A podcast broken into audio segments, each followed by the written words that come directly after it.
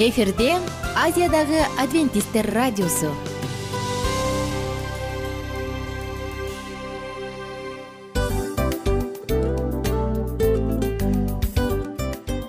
Достор салют. Баардык сүйүктүү угармандарыбызга салам айтабыз. Кутман күнүңүздөр менен. Ден соолук өмүрдүн булагы демекчи саламат саамы программасында баарыңыздарды көргөнүбүзгө абдан кубанычтабыз. Анда алгач амандашып өтөлү арбаңыздар деп. Ден соолугуңуздар кандай элибизде көбүнчө ден соолук кандай дегенде эле жакшы деп жооп беребиз э ооруп турсак дагы жакшы дейбиз. Анан мен муну айтып ойлойт элем бул абдан сонун сөз депчи анткени бул жакшы деген үмүт да э ооба баары жакшы болот. Баары сонун. Деп үмүттөнүп атып эле өзүбүздү өзүбүз дарылап коебуз. Анысы кандай сиздин дагы ден соолугуңуз жакшы беш деген үмүттөбүз. Чындыгында ден соолук бул өмүрдүн булагы деп бекеринен айтылган эмес деп ойлойм. Кыргыз элинде анткени эгерде ден соолук жок болсо анда адамдын жашоосунда калган баардык керектүү маңыздуу нерселер өзүнүн баалуулугун жоготуп коет. Ошондуктан ден соолук бул эң керектүү нерсе. Ооба туура айтасың кесиптешим. Чынында ден соолугуң жок бир эки үч күн ооруп калсаң эле э кандай болуп калат? Жашоодо көз каранды болуп каласың көп нерсеге жетишпей каласың көп нерсени кыла албай каласың жада калса эшикке дүкөнгө да чыга албай каласың. Туптуура анан ден соолук болсо демек биз биздин бактыбыз тотой деп койсок болот. Анда достор саламат рубрикабызды баштайлы. Алдыда өзүңүзгө керектүү болгон сонун кеңештерди уга аласыздар. Мына ошондуктан биз менен бирге болуңуздар. Ал эми биз болсо милан жана айнура.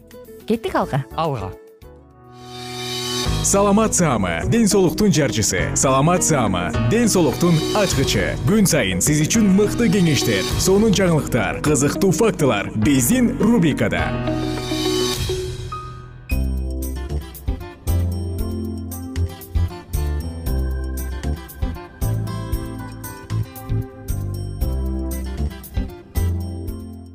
достор баардык угармандарыбызга ысык салам айтабыз сиздер менен бирге саламат саама радио баракчасындабыз. Кайрадан жана биз өзүн сүйгөн ден соолугун барктаган баалаган адамдардын угармандарыбыздын баардыгын дал ушул рубрикабызга чакырабыз. Анткени сиздер менен бүгүн алдыдагы дарыгерлер менен болгон маекте керектүү гана эмес маанилүү жакындарыбызга өзүбүзгө жардам берчү балдарыбызды саламаттыкта чоңойто алчу сонун маалыматтар менен бирге маалымдар болобуз мына ошондуктан угармандар баарыңыздарды биз менен бирге болууга чакырмакчымын. Анткени бүгүн чындыгында алдыдагы дарыгерлер менен болгон маекте өзүңүзгө керектүү сонун маалыматтарды ала аласыздар.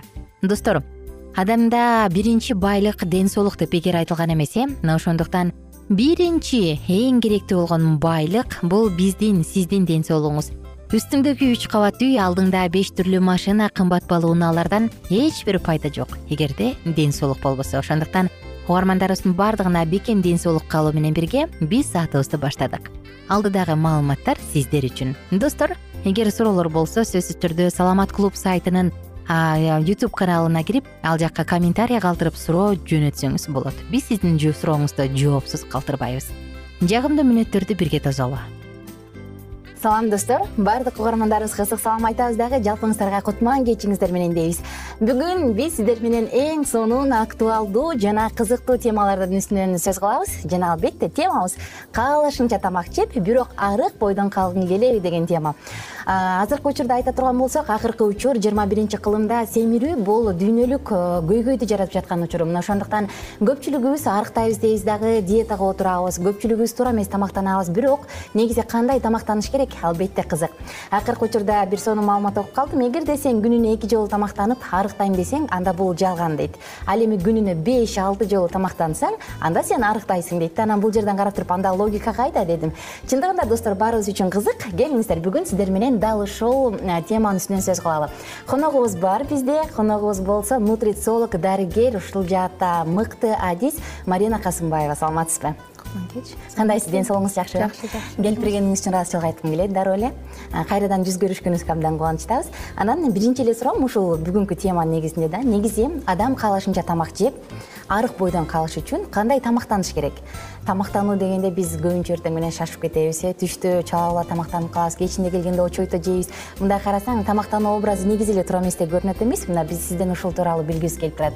Туура тамактануу деген эмне негизи туура тамактануу бул эң негизгиси бул жеке гана эле күнүгө канча жолу жеген эмес. Бул ошонун көлөмүн өлчөмүн дагы байкап э, эмне тамактанып атасың ошонун баарын камтыган бул туура тамактануу болуп эсептелинет.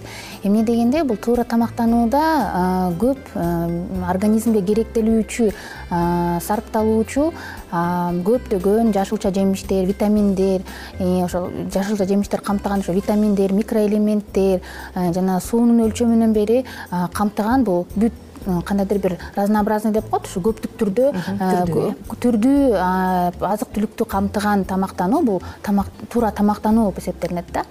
Эми туура тамактануунун дагы өзүнүн кандайдыр бир эки түрү бар да биринчи бири бир азык түлүк башка өзүнүн организмдин кандайдыр бир абалына жараша өзүнүн э, жашына жараша иштеген жумушуна жараша э, кандайдыр бир бир ооруга чалдыгып калса дагы ал дагы таасир этет. Ошондуктан ар бир эле азык түлүктүн э, мисалы колдонуу колдогонго чейин биз кандайдыр бир ойлонуп эмне ошол азыркы учурда маемге туура келет деп бир ой жүгүртүшүбүз керек да. Ошондо гана адам өзүнө өзү жоопкерчилик алып ошо тамактан туура тамактануусун эрежелерин э, сактайм десе ошо эң биринчиден бул кандай оору менен ооруп жаткандыгын э, билиш керек э, э эмне мисалы кандайдыр бир белги болуп жатабы ашказаны ооруп атабы же кандайдыр бир денеде дүүлүк дүүлүгү пайда болдубу. Ошонун баарын кандайдыр бир эске алып анан ошол туура тамактануунун тизмесин туура азыктардын тизмесин түзүүгө шарт жакшы ушул жерден мен сиздерге сурагым келип турат. Эгерде адам туура тамактануу боюнча меню түзө турган болсо ал өзүнүн жашоо образын кыймылдуубу кыймылсызбы көп иштейби баягы кеңседе иштейби же көп кыймылдайбы бул нерсени да эске алыш керекпи туура туура айтып атасыз. Бул эң биринчиден тамактануудан бул ар бир азык түлүктүн өзүнүн кубаттуулугу бар да жана килокалорий деп коет көбүнчөсү кубаттуулугу берет да ар бир энергияны сарпталат да. Анан бул эң биринчиден бул азык түлүктү мисалы колдогонго чейин ар бир адам ушу айта кеткендей жана өзүнүн кылган кылган ишин дагы эске эске салыш керек. Эмне дегенде мисалы күчтүү мисалы кара жумушта иштеген адамдар болсо буларга бул адамдарга көптөгөн энергиялык көптөгөн кубаттуулукту сарпталат. Ошондуктан тамактануусу дагы күчтүү көптөгөн көп мисалы э, көп камтыган э, азык түлүктү тамактаныш мисалы жеш керек да.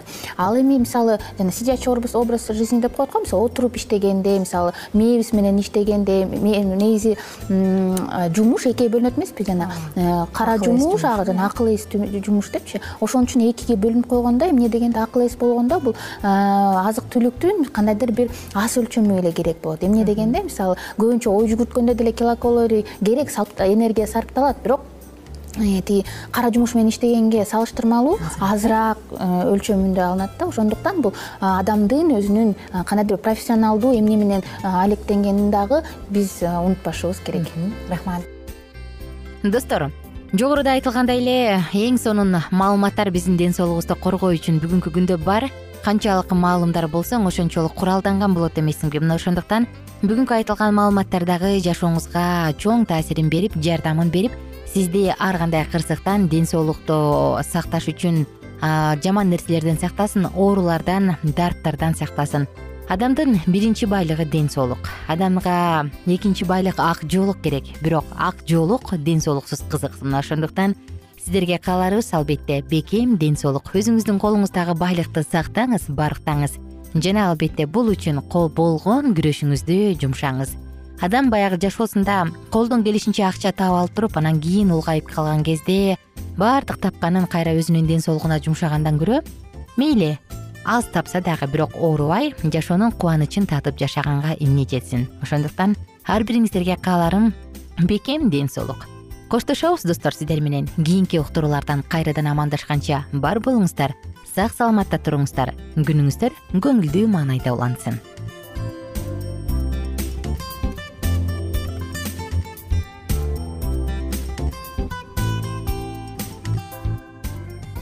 кененирээк маалыматтар үчүн үч w чекит саламат чекит клуб сайтына келип таанышыңыздар. Жана андан тышкары социалдык тармактарда youtube facebook жана instagram баракчаларына катталыңыз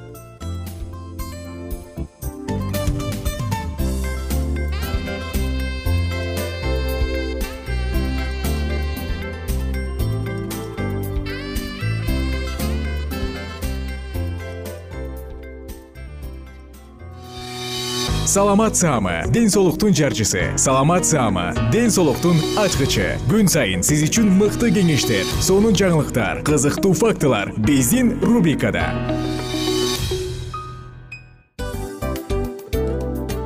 Салам достор. Кайрадан биздин сүйүктүү рубрикабызга кош келиңиздер деп айтмакчыбыз. Баардык замандаштарыбызга арбаңыздар деп саламыбызды айтабыз. Улуу ушундай бир урматтаган учурашуу менен анан дил маек радио баракчабызга чакырабыз. Негизи дил маек биздин рубрикабызда эмне жөнүндө кеп кылабыз? Бул дил маектин мааниси эмнеде? Рубрикабыз менен кичине тааныштырып кетсеңиз. Сөзсүз түрдө тааныштыра кетейин кесиптешим суранычы боюнча бул учурда бул радио баракчада биз ар тарап кесип ээлеринен сонун кеңештерди алабыз сүйлөшөбүз сырдашабыз аталарыбыздын эжелерибиздин апаларыбыздын кеңештерин угабыз айтор жан дүйнөгө адамдын э, сапатына адамдын деги эле адам болуп жашашына керектүү баардык кеңештер алдыда.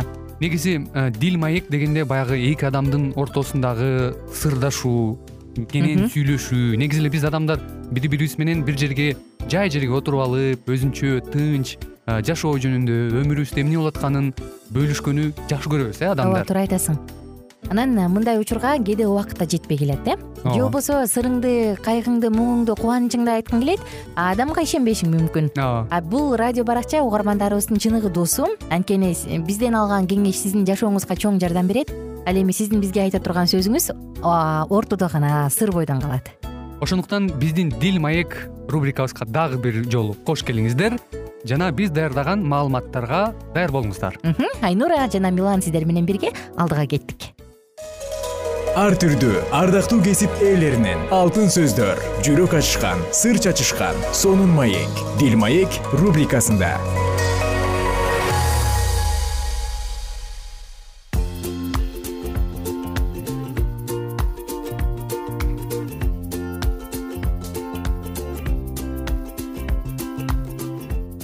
Кутман куш убак күнүңүздөр менен биздин досторубуз баарыңыздарга ысык салам айтып сиздер менен кайрадан дил маек уктуруусундабыз салют достор. Кайрадан эле биз сиздер менен дил маек уктуруусунда үн алышып жатканыбызга кубанычтабыз. Кызматыңызда мен улан жана ошондой эле сиздердин сүйүктүү татынакай болгон кызыңыздар.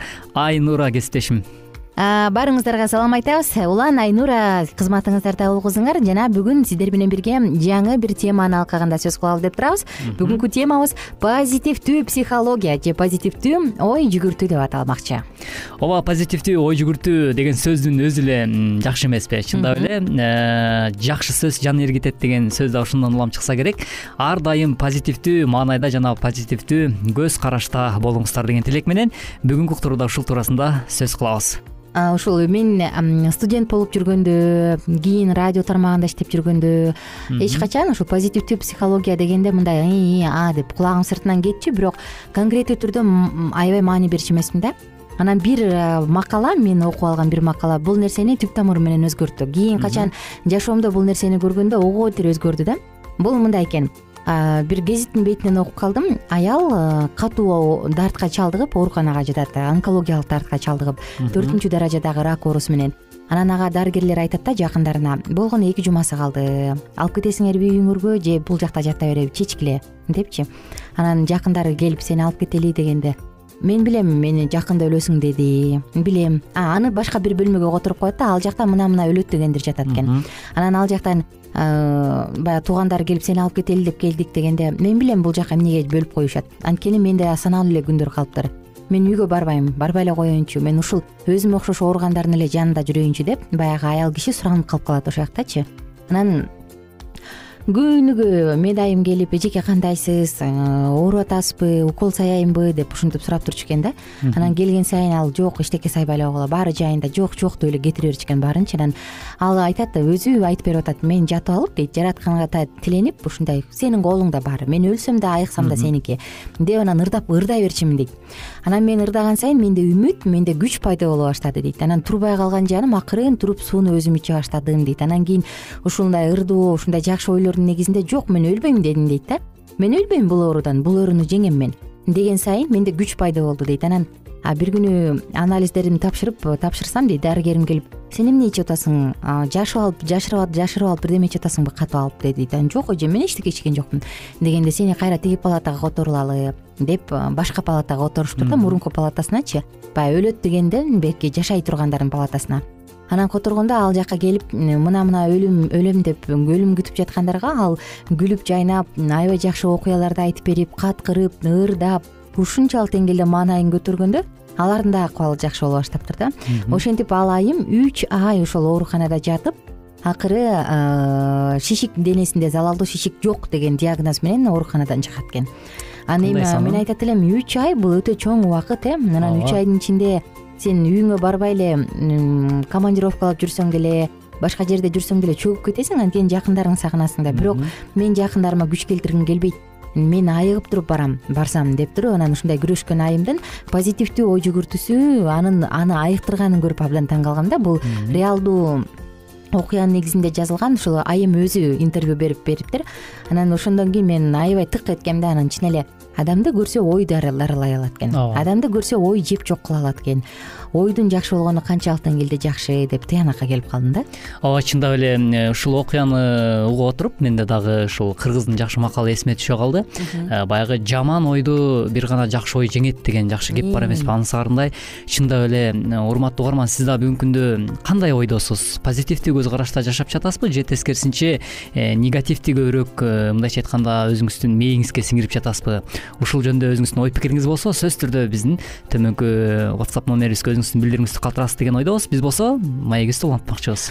Кесиптеш анан кийин биз негизи бул экинчи бөлүктө нравалык моралдык жактан жакшы баалуулуктар менен негиздер менен бөлүшүп атпайбызбы? Анан негизги бул нерседе адамдар менен болгон мамиле го мага бир адам айткан абдан жаккан. Биз дайыма машыгып жүрөбүз депчи. Анысы кандай? Биздин адамдарга карата оюбуз биздин ага жасаган мамилебиздин тээ түпкү нускасы болот экен да эгерде биз адам жөнүндө жаман ойлоп жаман нерселерди көбүрөөк ойлоп жаман ойдо болсок ал адамды көрүп туруп күлүп бетинен кучактап өбүп жакшы нерсени эч качан айта албайт экенбиз да. Ооба. А качан биз адам жөнүндө жакшы ойдо болсок мейли ал канчалык жаман болсун канчалык шүмшүк болсун. Бирок адам жөнүндө жакшы ойдо болуп жакшы нерселерди ойлонуп оюбузду жакшы нерсеге машыктырсак ал адамды көргөндө биз жалаң жакшы мамиле жакшы сөз айта алат экенбиз да. Мен көп байкап калам жолдошуман уламчы. Мисалы ал жумуштан кечиккенде мен эгер туура эмес ойлорду ойлоп баштасам келгенде мен аны жаркылдап тосуп ала албайм да. Анан кийин баягы жаман ойлор жүрөгүңдө осадка деп коет го жүрөгүңдө калдык болуп кала берет да. А мүмкүн чын эледир а мүмкүн а мүмкүн деп өзүңдү өзүң жей бересиң да. А качан баягы ыйык жазууда жазылат го адам абирине ишен деп э абириге ишенип жок менин жолдошум үй бүлөмдү багам деп иштеп жүрөт деп туруп анан кийин баардык нерсени артка калтырып ал жөнүндө жакшы ойлогондо келгенде ушундай жаркылдап тосуп аласың маанайың ачык дасторконуң жайык тим эле үйдө жылуу жакшы маанайда тосуп аласың да. Анан ушундан улам ойлоп коем ой биздин жашообузда аябай көп нерсени кылат экен депчи. Кээде ойлойбуз го биздин оюбузду эмне эч ким көргөн жок да деп. Бирок ой биздин жашообузда абдан чоң ийгиликтерди жаратат же тескерисинче ийгиликтердин баарын кулатып салат экен. Ооба чындап эле. Э, кээде адам ушу жогоруда мисалдарды айтканыңдай эле адам ою менен өзүн дагы өлтүрүп койгула э, тете бир нерсени да кылып коюшу мүмкүн. Ошол ою менен эле өзүн дагы өркүндөтүп өстүргөнгө дагы бир чоң салым кошушу мүмкүн. Туура. Биздин карамагыбызда бир мүнөттүк убакыт калды. Угармандарыбызга кайрылгым келип турат сиз көбүнчө кандай ойлорду ойлойсуз? Ушул дагы абдан маанилүү э? Ооба. Эртеңки күн кандай болот? Ии деп эле жалаң жаман нерселерди ойлоп жалаң сана аркала сана санаа менен ой санаа менен жүрөсүзбү сана аркап же жок баары жакшы болот деп үмүттөнүп жүрөсүзбү анда өзүңүздүн оюңуз жөнүндө биздин whatsapp номурубузга калтырып койсоңуз болот. Ылдыйда ушул сааттын аягында жаңырат. Ооба урматтуу угармандарыбыз сиздердин ой пикириңиздер биз үчүн өтө маанилүү. Ошондуктан э, сөзсүз түрдө тартынбастан билдирүүңүздү калтырыңыз. Коштошчу убакыт келди кесиптеш. Коштошчу учур э, биз сиздер менен коштошобуз жана кийинки уктуруудан амандашканга чейин сак саламатта туруңуздар. Амандыкта болуңуздар урматтуу угармандарыбыз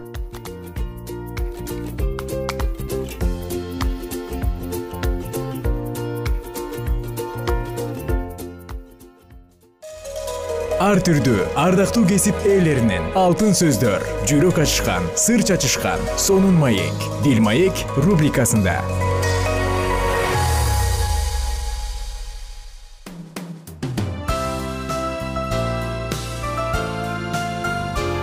Эфирде азиядагы адвентисттер радиосу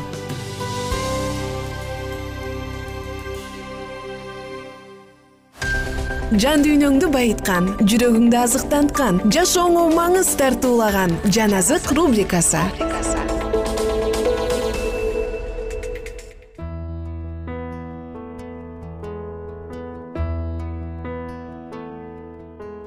Салют достор баардык сүйүктүү угармандарыбызга ысык салам айтабыз. Жана сиздер менен бирге бүгүн дагы жан дүйнөбүздү азыктандыруучу жан азык саатын баштадык.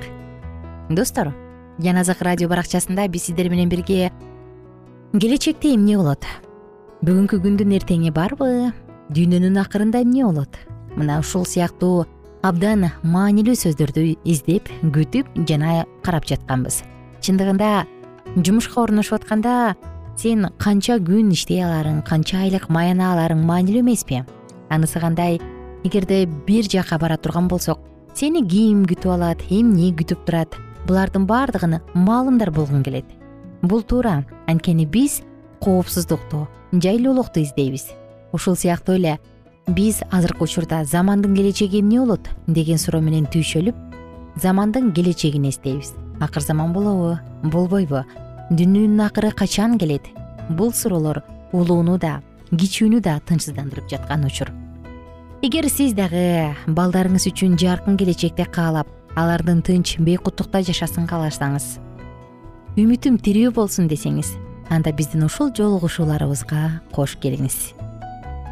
Достор мурунку темада биз аян китебинин аян китебиндеги руханий күчтүн булагы жөнүндө сөз кылып атканбыз. Бир аз эске салсам биз аян китебинде эң кызыктуу фактылар бар экендигин айтканбыз. Бул мисалы ыйсанын төрөлчү жери айтылганын миң жыл мурун эле ыйсаны жүйүт сатып жибергени алдын ала айтылгандыгын. ыйса машаяктын өлүмү кандай болор экендиги? ыйса машаяктын төрөлчү жери ал төрөлгөнгө чейин жети жүз жыл мурун айтылгандыгын айтып өткөнбүз. Кызыктуу фактыларды андан ары улантабыз биз менен бирге болуңуз. Бүгүнкү күндө мындай саякатты бир нече саатта эле жасап койсо болот. Бирок эгер сиз эшек менен барсаңыз ири буйру ичке жолду беш күндө басып өтмөксүз.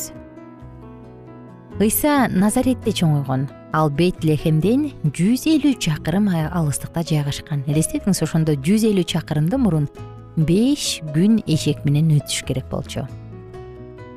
Элестетип көрсөңүз. Эгер сиз ыйса төрөлөөрдөн алты ай мурун назаретте жүрүп төрөлчү ымыргай каякта деп сурасаңыз айланадагылар эмне деп айтышмак? О ал бул жакта назаретте төрөлүшү керек деппи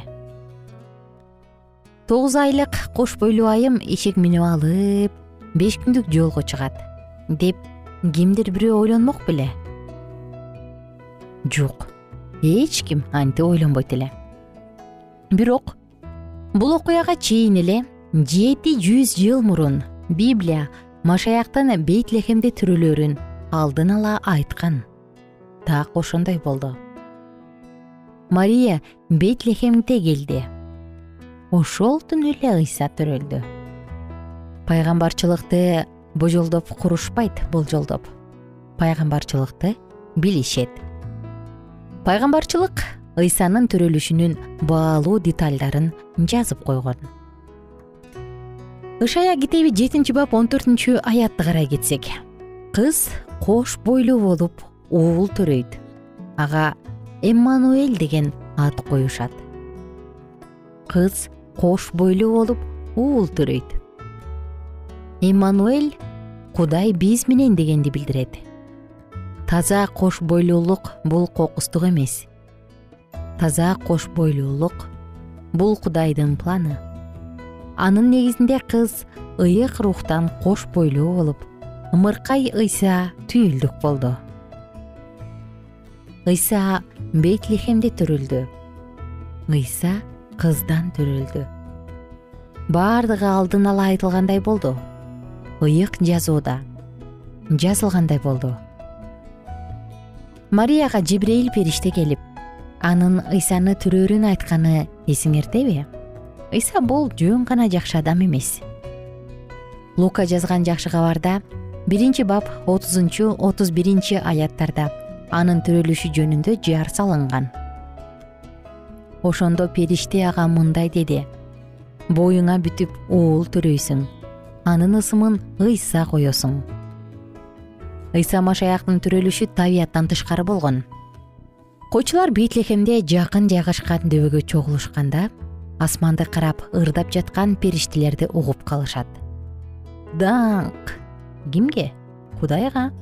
Каякта жогорудагы жогорудагы кудайга даңк ал жөн гана жакшы эмес жөн эле жакшы адам эмес жөн гана моралдык окутуучу эмес ал кудайдын уулу мисирден чыгуу убагында сандар китебинде муса ыйса төрөлгөнгө чейин бир миң беш жүз жыл мурун жазган. Сандар китеби жыйырма төртүнчү бап он жетинчи аят. Жакыптан жылдыз чыгат. Ал чыгыштан чыгып даанышмандарды бейтлехемде төрөлгөн ыйсага кыздан төрөлгөн ыйсага мессиянын үйүнө алып келген жылдыз жөнүндө айткан. Библиянын ыйсанын төрөлгөн учурундагы баардык жагдайлар жана анын айланасындагы баардык окуялар тууралуу пайгамбарчылык кылган жана баардык пайгамбарчылык аткарылган. Кымбаттуу достор бүгүн дагы сиздер менен биз маанилүү деп эсептелген эң сонун текстти эң сонун учурду окуп өттүк. Сиздер менен убактылуу гана коштошобуз жана кийинки уктуруубузда буюрса кайрадан теманы андан ары улантабыз элестетип көрүңүз. Эгер сиз жарык дүйнөгө келгенче сиз кайсы жерде төрөлөрүңүз кантип төрөлөрүңүздүн баардыгын бирөө айтып берген болсо энеңиз абдан ишенип ага улам улам барып эми эмне болот? деп сурамак э? Анысы кандай достор? Биздин жашообуз биздин учурубуз биздин айтып жаткан ар бир алынып жаткан маалыматтар ыйса машаяк жөнүндөгү маалыматтар миңдеген жылдар мурун айтылган ар бириңиздерди жаратканыбыз жалгасын кийинки уктуруубузда теманы андан ары улантабыз. Бар болуңуздар.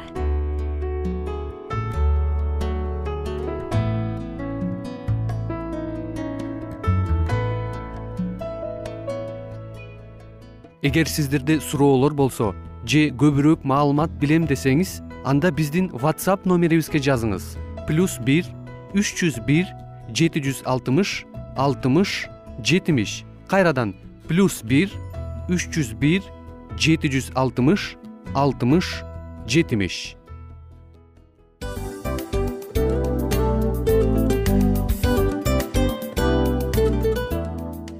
Мына ушинтип убакыт дагы тез өтүп кетет экен. Биз дагы радио уктуруубуздун аягына келип жеттик келип кубандырдыңар эми кетип кубандыргыла деп тамашалап калышат эмеспи? Анысы кандай?